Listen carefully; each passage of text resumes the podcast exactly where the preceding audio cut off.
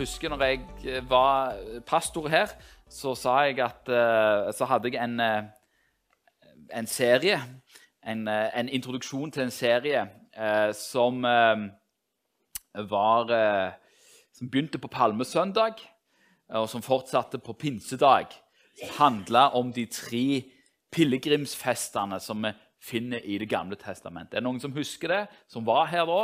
Eh, For de som ikke var her, så skal jeg gi en liten, kort eh, oppsummering. Eh, men eh, i dag skal vi da gå inn i den siste av disse pilegrimsfestene. Eh, når den første av disse pilegrimsfestene blir kalt for Pesach, som betyr forbigang, og som vi kaller for påske eh, og det den gjør for oss, er at den handler om vår rettferdiggjørelse. Det er det påsken handler om. At vi skal bli rettferdiggjort og frikjente for, for Gud gjennom offeret som Jesus kom med. Få komme, ja, komme ut i frihet fra syndens slaveri. Den andre av de jødiske pilegrimsfestene, som kalles for eh, shavuot, eh, eller eh, uker, det er det vi kaller for pinse, det handler om helliggjørelse.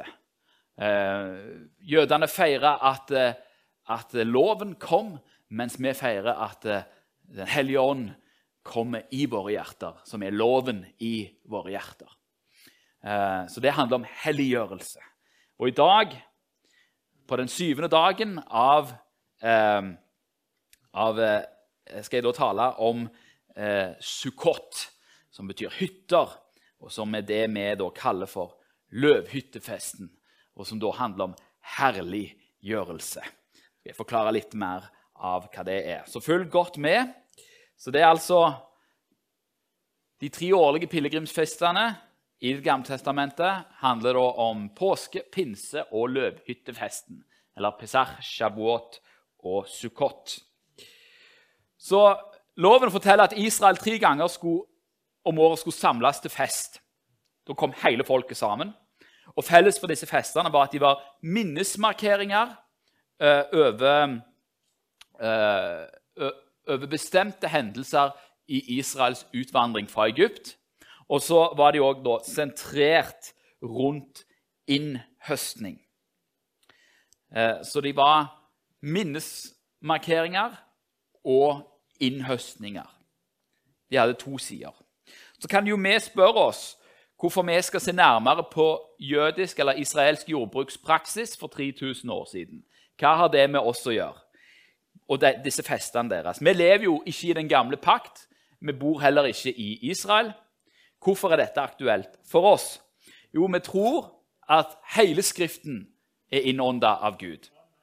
Og at alt som er i den gamle pakt, peker fram mot den nye pakt.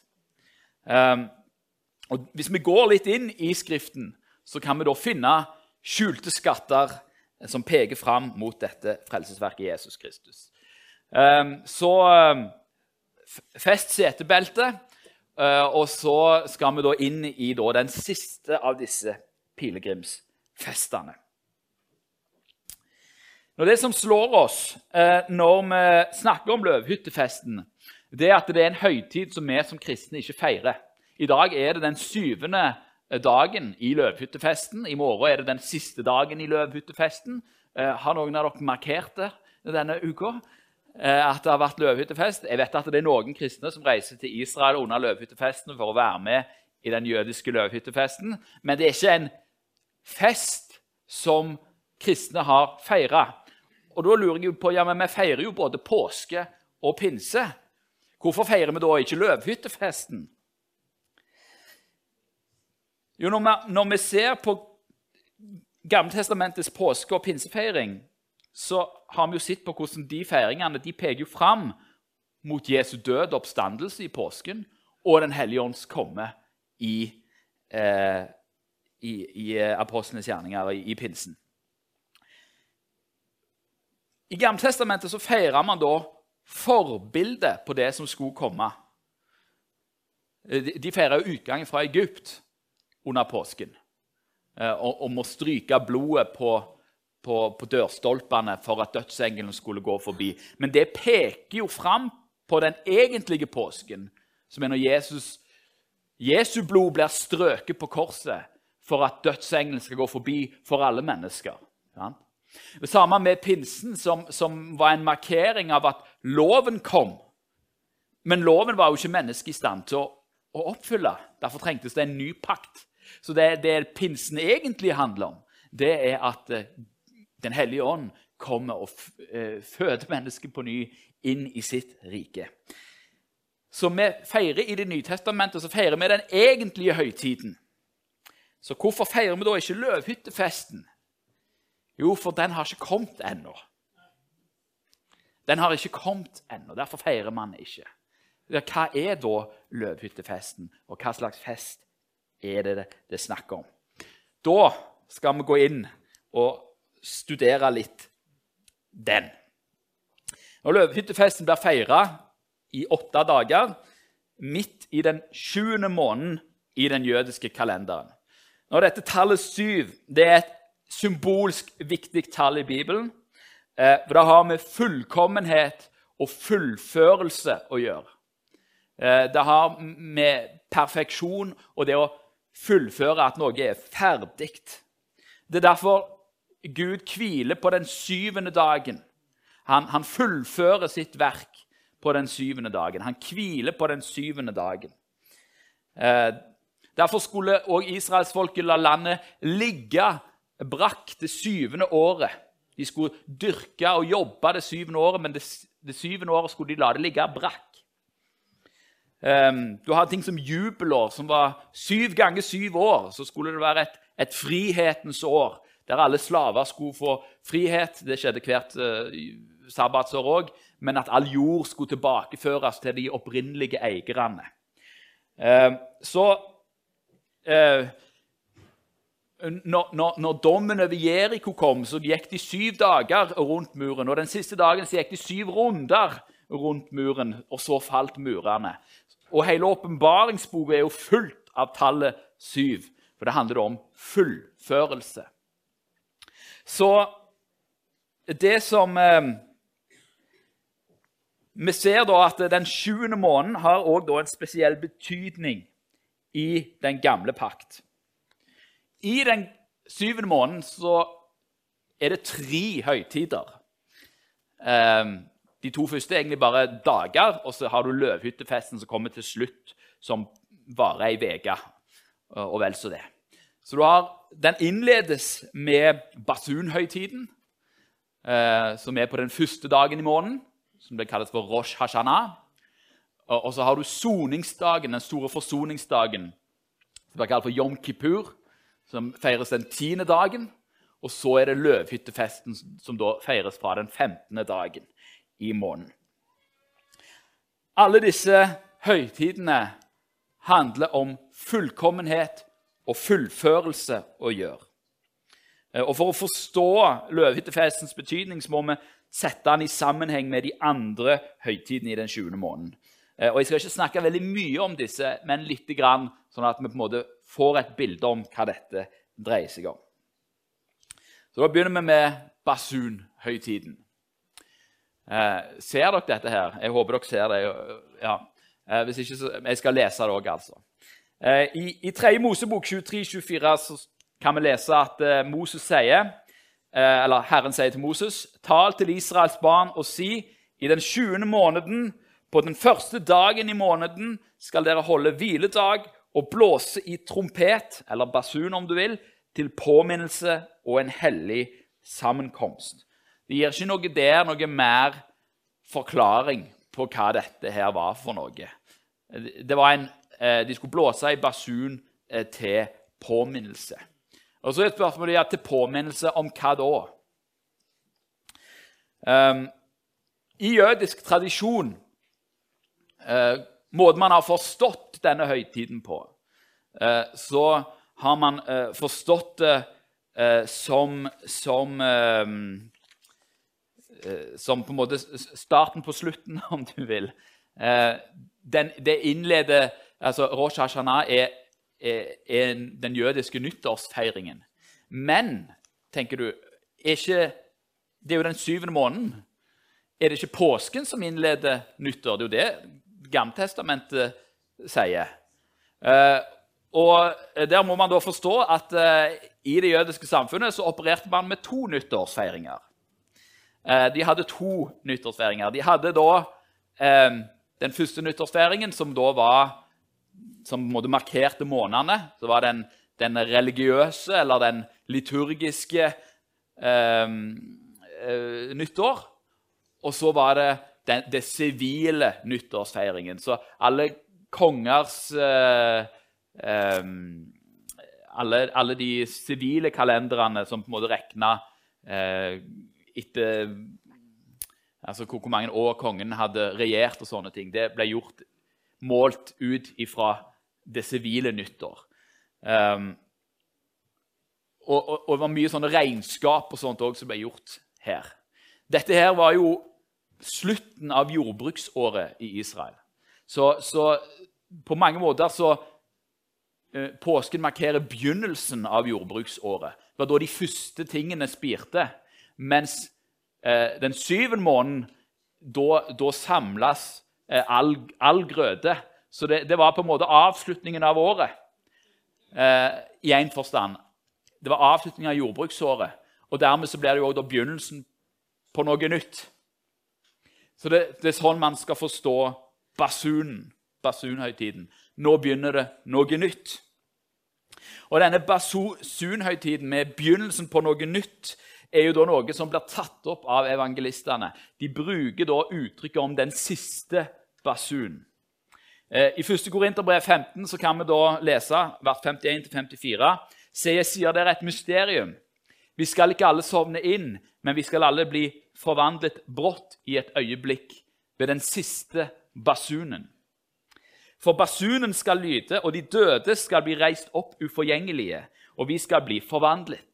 For dette forgjengelige må bli ikledd uforgjengelighet, og dette dødelige må bli ikledd udødelighet. Men når dette forgjengelige er blitt ikledd uforgjengelighet, og dette dødelige er blitt ikledd udødelighet, da blir det ordet oppfylt som står skrevet. Døden er oppslukt til seier. Så den siste basunen, eller basunhøytiden, blir av de nytestamentlige forfatterne forbundet med den siste basun når Jesus skal komme igjen.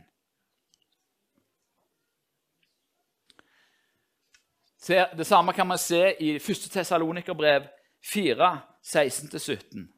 For Herren selv skal komme ned fra himmelen med et bydende rop, med overengelsk røst og med Guds basun og de døde i Kristus skal først stå opp. Deretter skal vi som lever, som har blitt tilbake eh, sammen med dem, rykkes opp i skyer, opp i luften, for å møte Herren. Og så skal vi for alltid være sammen med Herren. Matteus 24, 31, så sier Jesus han skal sende ut sine engler med veldig basunklang. Og de skal samle hans utvalgte fra de fire vindretninger fra himmelens ene ende til den andre. Så basunhøytiden har med, med, med, Jesu gjenkomst å gjøre. Og Det er da vi på en måte også skjønner litt hvor jeg vil hen med løvhyttefesten. Hvor, hva løvhyttefesten peker fram mot. Dette er, handler om noe som skjer etter den siste basunen. Men for jødene, da, hva var det da de skulle påminnes. Hva var det da de skulle minnes for noe? Til påminnelse ja, til påminnelse om hva? Det står bare 'til påminnelse'. Eh, om, I min bibeloversettelse så står det uh, Ja, det er jo da en, en påminnelse om om, om uh, At det, det, er en påminnelse om, om hva Israel At Gud har ført Israel ut. Men det er ikke sånn det blir forstått blant jøder den dag i dag det er påminnelse om synd. Det er påminnelse om synd.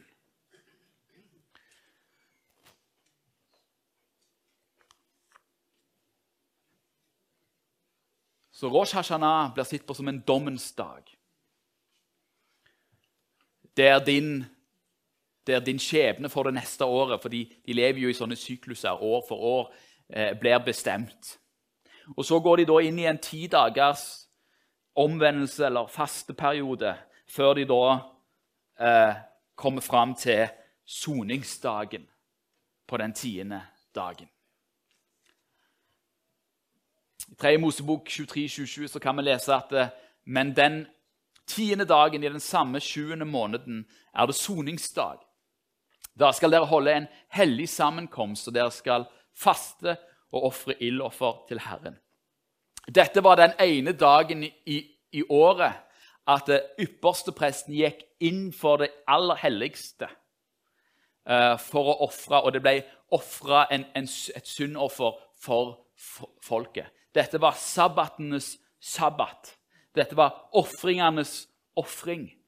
Det var her all synd som Israel hadde gjort, hadde blitt, ble lagt på en, en geitebukk og ble sendt ut i ørkenen.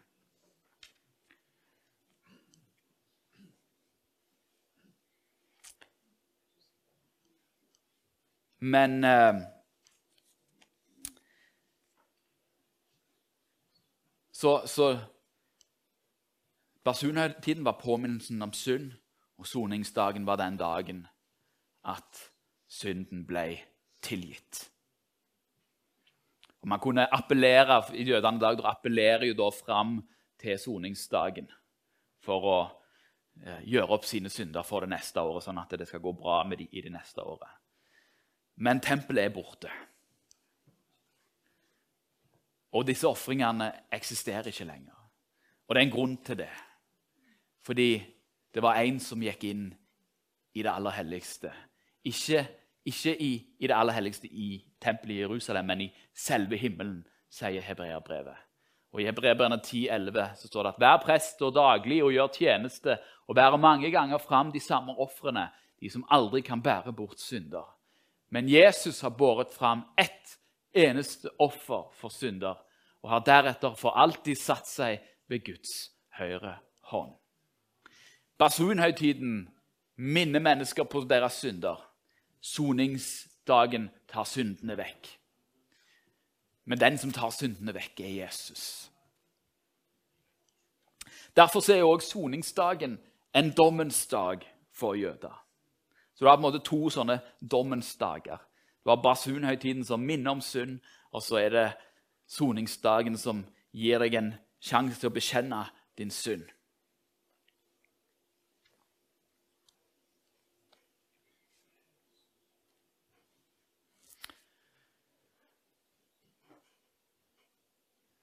Og når man har fått påminnelse om sine synder og har sett sine synder, og man har fått tilgitt sine synder, hva skjer da på andre sida? Og da er det fest. Da er det fest. Da kan vi endelig begynne å snakke om løvhyttefesten.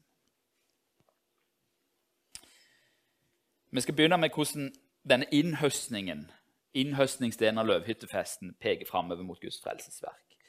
Første gang løvhyttefesten nevnes, det er i 2. Mosebok 23, 15-16. Tre ganger om året skal du holde høytid for meg. De usyrede brøds høytid skal du holde.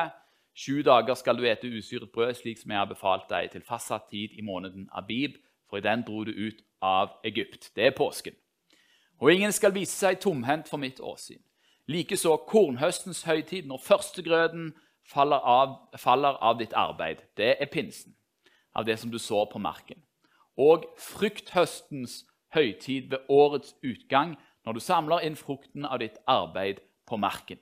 Frukthøstens høytid, eller innhøstningenes høytid, det er løvhyttefesten. Ved årets utgang, altså når, når alt er samla i hop.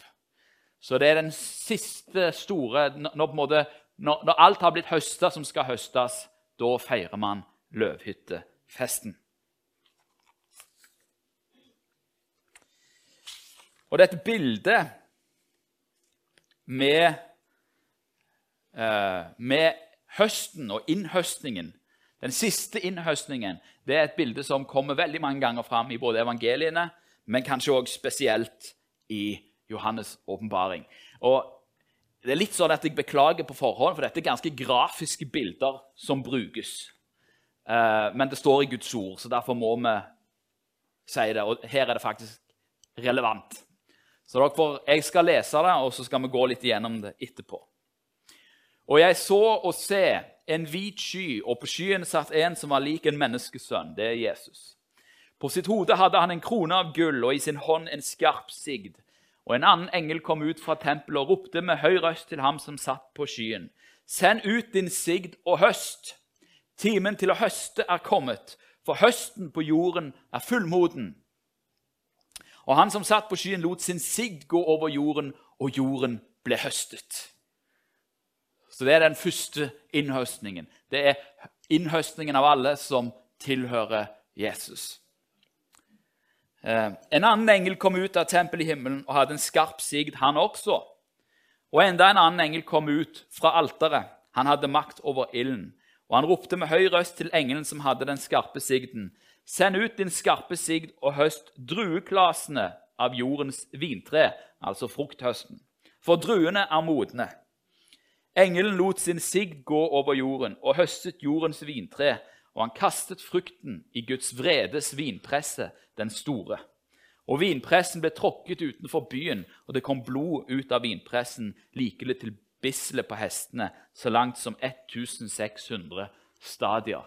En enormt blodig og grafisk bilde eh, av forskjellen eh, som vil bli gjort på dommens dag der noen, der de som har fått sin synd oppgjort og har blitt tilgitt av Gud gjennom Jesu blod, for de har tatt imot Jesu blod, de skal høstes inn til hans rike.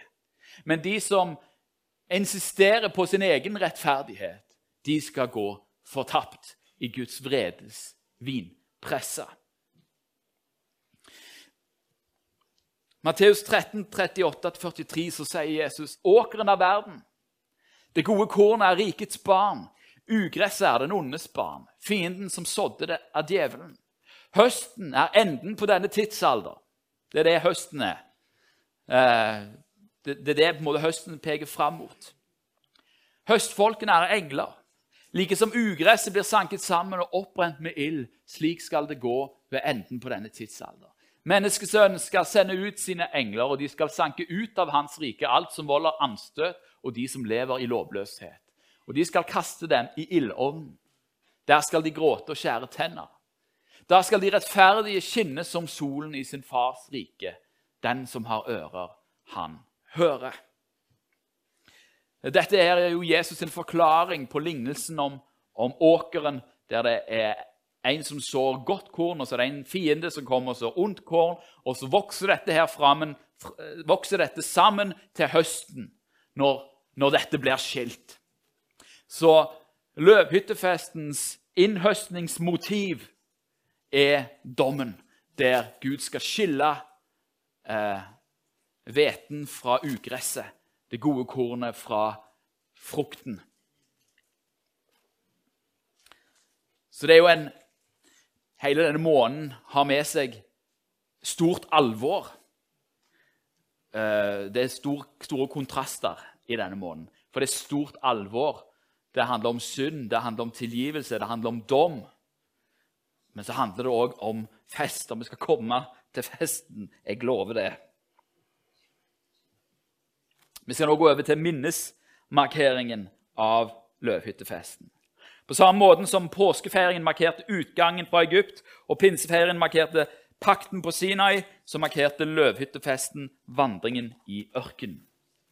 I 3. Mosebok 23, 39, 43 så står det at den 15. dagen i den 20. måneden, når dere samler inn landets grøde, så skal dere holde Herrens fest. Den skal vare i sju dager. Den første dagen skal være hviledag, og den åttende dagen skal være hviledag. Den første dagen skal dere tra frukter av vakre trær, palmegreiner og kvister av løvrike trær og vidjer som vokser ved bekkene. Og dere skal være glade for Herren, deres Guds åsyn, i sju dager. Denne høytiden skal dere holde som en fest for Herren sju dager om året. Det skal være en evig lov for dere fra slekt til slekt. I den sjuende måneden skal dere holde denne høytiden. Dere skal bo i løvhytter i sju dager. Alle innfødte i Israel skal bo i løvhytter, for at deres etterkommere skal vite at jeg lot Israels barn bo i løvhytter da jeg førte dem ut av landet Egypt. Jeg er Herren deres Gud. Så vi ser her at eh, løvhyttefesten er en tosidig fest. Det, den skulle da, det handler jo når, du, når man hadde høsta inn, eh, så er det jo da en Herrens fest. og Vi skal komme til festen. Jeg har lovt det. Eh, legg merke til at de skulle være glade for Herrens, deres Guds åsyn. Så det har gått nå fra en tid med alvor og omvendelse, og, og, sånne ting, og så skulle folk være glad for Herrens åsyn i syv dager. Hvorfor det?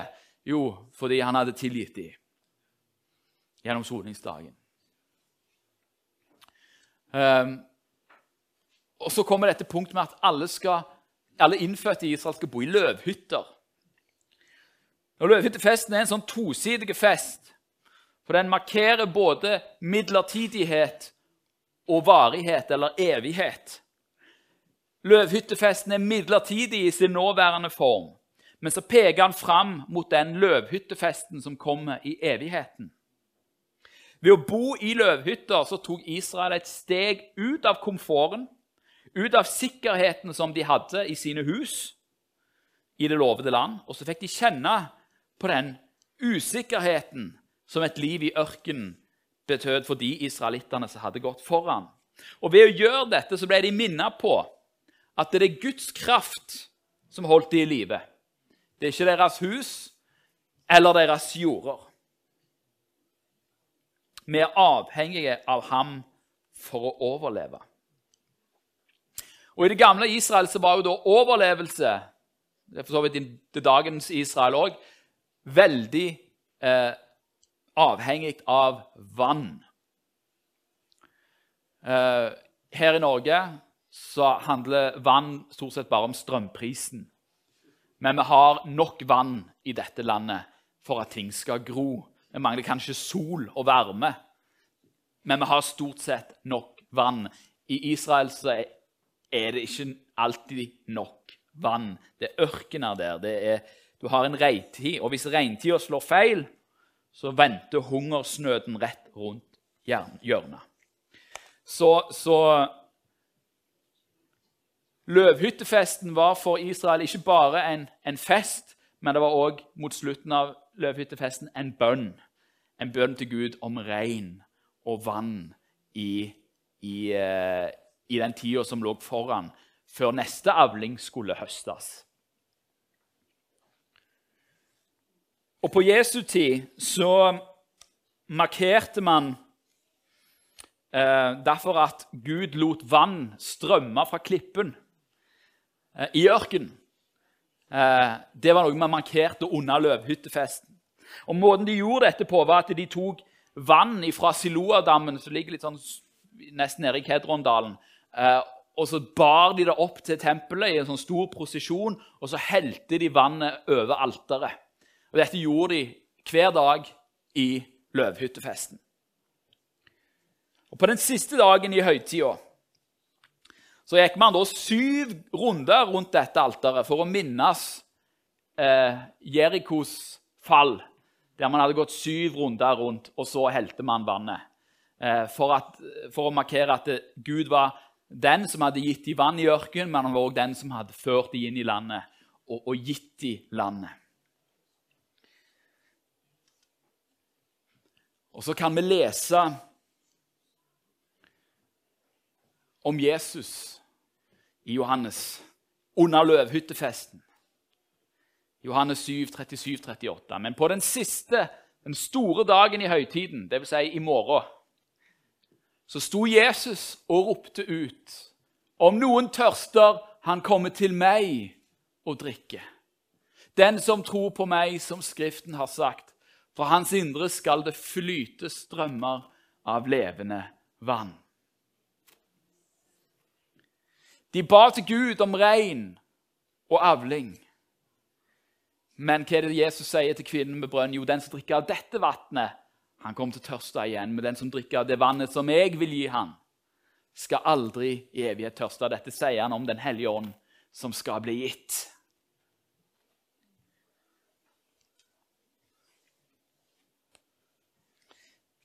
Ironien i denne scenen er jo at eh, de ber Gud om vann, og så står Gud sjøl midt iblant dem og tilbyr levende vann, det som varer til evig tid, og som gir evig liv. For det vannet som de kunne få i regnet, ja, det, det varte til neste sesong, det. Men det vannet som Jesus kan gi, det varer til evig liv. Og det er det vi skal feire den gangen vi skal fram og feire løvhyttefesten. En løvhytte er også en midlertidig bolig, i likhet med vår tid i denne verden. Derfor er det faktisk vanlig en dag i dag at man leser forkynnerboka under løvhyttefesten. Og hva er det forkynnerboka sier? Jo, tomheters tomhet. Alt er tomhet. Eh, eh, forkynnerboka setter jo eh, livet i denne verden i sitt rette perspektiv. Fordi alt det du får til her på jorda, det får du ikke ta med deg videre. Du skal jo dø en gang.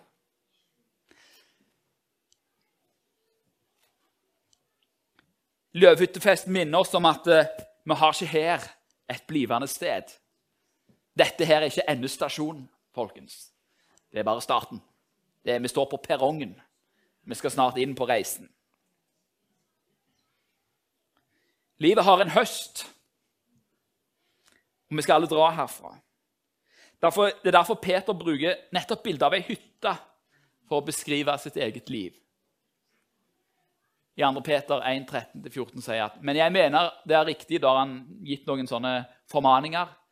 Jeg mener det er riktig så lenge jeg er i denne hytten, og vekke dere ved påminnelse. Jeg vet jo at min hytte brått skal legges ned, som også vår Herre Jesus Kristus varslet meg. Han så på sin egen kropp som ei hytte. Ei hytte er en midlertidig bolig. Det er ikke et fast bosted.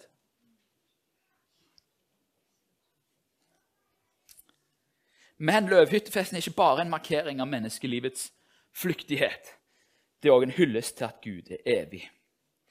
I kontrast til folket som skulle bo i løvhytter under Sukkot, så kan vi lese i, i 2. krønikebok 5, 3, at løvhyttefesten var den festen hvor tempelet ble innvidd til Herren. Så de fastboende skulle bo i hytter. Men under løvhyttefesten ble Guds midlertidige bolig gjort fast. For Guds helligdom hadde vært i et telt og hadde vandra rundt i landet. Men når tempelet ble, innvidd, så ble det gjort fast. Og Det er òg et bilde på at eh, om denne boligen skal få gå, så finnes det en Guds bolig som er fast.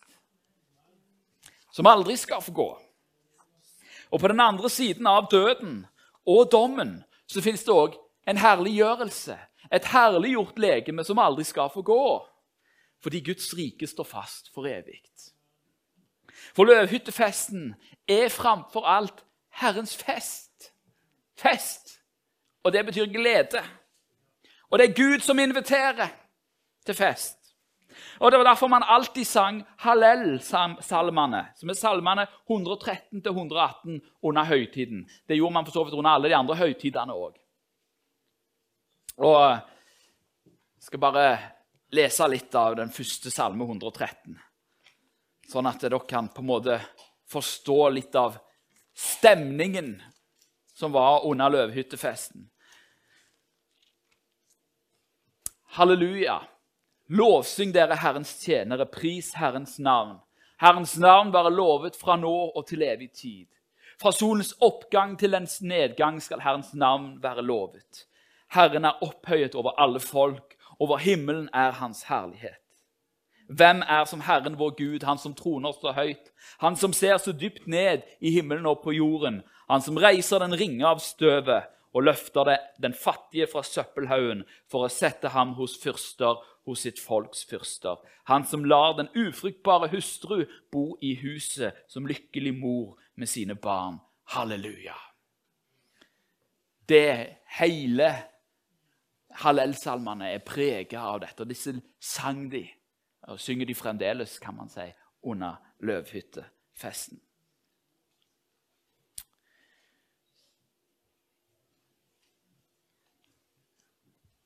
En annen ting som kjennetegner løvhyttefesten, er at det er sykt mange ofringer eh, på, på, denne festen.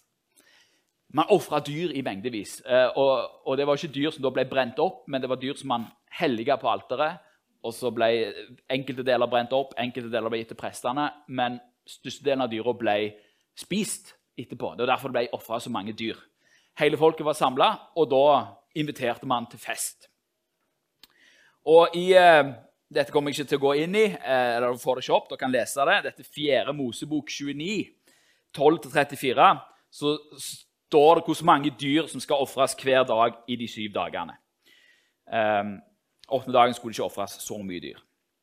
Uh, det som er slår en med dette, her er at det er det samme antallet værer og lam som skal ofres hver dag. Men antallet okser forandrer seg. Det begynner med 13 okser, og så er det 12 okser, og så er det 11 okser, 10 okser, 9 okser, 8 okser og så 7 okser. Eh, og da tenkte jeg, jeg måtte klø meg litt i hodet. Hvorfor endrer dette tallet seg? Hva er det som er greia med, med dette?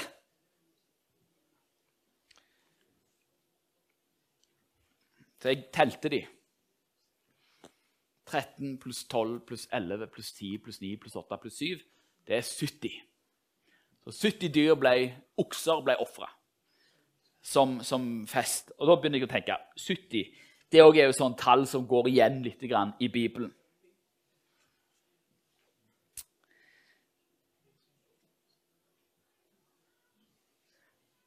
Hvorfor er det en betydningsfullt? Hva handler det om? Du har liksom 70 år i, i, uh, i utlendighet. Handler det om det? Du har de 70 som ble sendt ut, handler det om det. Hva handla disse her 70 om? Uh, og så gjorde jeg to oppdagelser som gjorde at jeg kunne knytte noen ting på dem. Dette er min tolkning, så jeg skal innrømme det. Uh, men jeg syns den er ganske god. Så vær med meg. I, første Mosebok, kapittel 10, så kan vi lese om Noas etterkommere. Og Hvis man da teller etterkommerne etter Sem, Kam og Jafet, Noahs sønner, så er det ramsa opp 70 navn. Så 70 i den forstand er da et symbolsk tall på alle verdens nasjoner. Eller hele verden, om du vil. Kan det være at det er en okse for hver nasjon? Kan det være at det, grunnen til at man har eh, variert og, og på en måte poengtert egentlig antallet okser at det er 70, kan være for å signalisere at hele verden er invitert til løvhyttefesten. Ja, det kan være det. For Hvis du leser i Zakaria 14, som er det siste kapittelet i profeten Zakaria, som eh, da snakker egentlig om det messianske riket, så står det her i Zakaria 14, 16-19. Alle de som blir tilbake av alle de hedningefolkene som angrep Jerusalem, skal år etter år dra opp for å tilbe kongen, Herren, herskernes Gud, og for å delta i løvhyttefesten. Men om noen av jordens etter ikke drar opp til Jerusalem for å tilbe kongen, Herren, herskernes Gud, så skal det ikke komme regn hos dem. Løvhyttefesten er jo en bønn om regn. Ja, Men dette gjaldt jo bare Israel. Men nå gjelder det plutselig hele verden. Hvorfor det? Jo, fordi gjennom Jesus så har også evangeliet kommet til hele verden. Det er ikke bare Israel som er invitert til løvhyttefesten. Alle er invitert til løvhyttefesten. Om egypterne ikke drar opp og ikke møter fram, da skal det ikke komme regn hos dem heller. Den samme plagen skal ramme dem som Herren lar ramme de hedninge folk som ikke drar opp for å delta i løvhyttefesten. Slik skal den straffen være som eh, rammer Egypt og alle de hedninge folkene som ikke drar opp for å delta i løvhyttefesten. Det har vi med, med straff igjen, da. Men, men, men, det er jo Belønningen er jo å få lov til å være med i festen. Det er jo nettopp det å få lov til å, å delta i den store festen. Hele jorda er invitert til Herrens fest, til løvehyttefesten. Og hos Zakaria, når han skal beskrive det messianske riket, så er dette den eneste festen som nevnes. Jo, for, hvorfor er det? Jo, for de andre festene er jo fullført. Dette er den festen som gjenstår. Dette er den festen som varer i en evighet. Et annet symbolsk tall er tallet åtte. Jesus sto opp på den første dagen i uka, som også er den åttende dagen i uka. Som er inngang til et nytt rike som handler om evigheten. Løvhyttefesten er en fest som foregår for alltid i himmelen.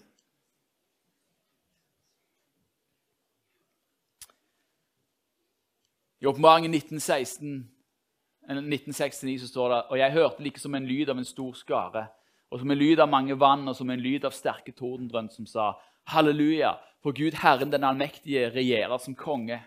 La oss glede oss og fryde oss og gi ham æren, for lammets bryllup er kommet, og hans brud har gjort seg rede. Det er henne gitt å kle seg i rent og skinnende fint lin, for det fine linet er de helliges rettferdige gjerninger. Han sier til meg, skriv, salig er de som er innbudt til lammets bryllupsmåltid. Han sier til meg, 'Dette er Guds sanne ord'. Løvhyttefesten er bryllupsmåltidet. Det er den festen som skal vare i evighet, fra evighet til evighet. I Lukas 14, 16-24 kan vi lese om, om, eh, det store gjestebudet som, som alle er innbudt i. Og så er det noen som er opptatt av andre ting, så de kommer ikke. Og så går budet ut på, på, til streder uh, og ut for å samle alle, sånn at huset kan bli fullt. Det står i Lukas 14. Dette er det store gjestebudet, det er løvhyttefesten, det er Herrens fest. Så hvordan skal vi da som kristne som, uh, altså Dommens dag har ikke kommet ennå.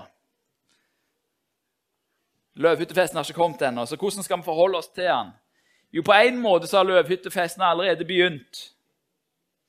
Den 20. måneden er på en måte et evangelium i miniatyr. Basunen til påminnelse om synd, forsoningsdagen som er Jesu offer på korset. Og på den andre siden av forsoningsdagen så er det fest. Hva er det Jesus sier? Spis dette minnemåltidet inntil jeg kommer. Jeg skal ikke drikke dette spise dette måltidet før jeg drikker en ny i Guds rike.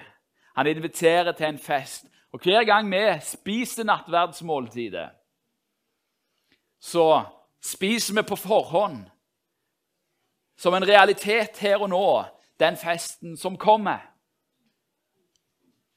Så løvhyttefesten er på mange måter allerede her. Vi lever i den. Vi lever i, i en midlertidighet i ørkenen før vi skal inn i det lovede land. Og samtidig så er det en fest som kommer.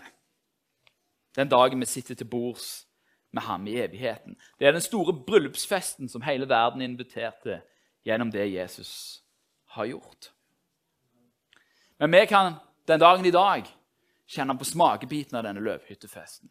For det var en ting som slo meg når jeg leste eh, disse versene om at eh, de skulle glede seg for Herrens åsyn syv dager. Men hva er det Paulus sier? Gled dere i Herren alltid. Hvorfor det? Er Jo, fordi eh, dommen har kommet. Eh, Jesu offer har tatt dommen. Og vi er på mange måter inn i den nye tida. Og samtidig så kommer det en dag der vi skal feire sammen, alle sammen. Hele Guds folk, alle sammen, i Guds rike.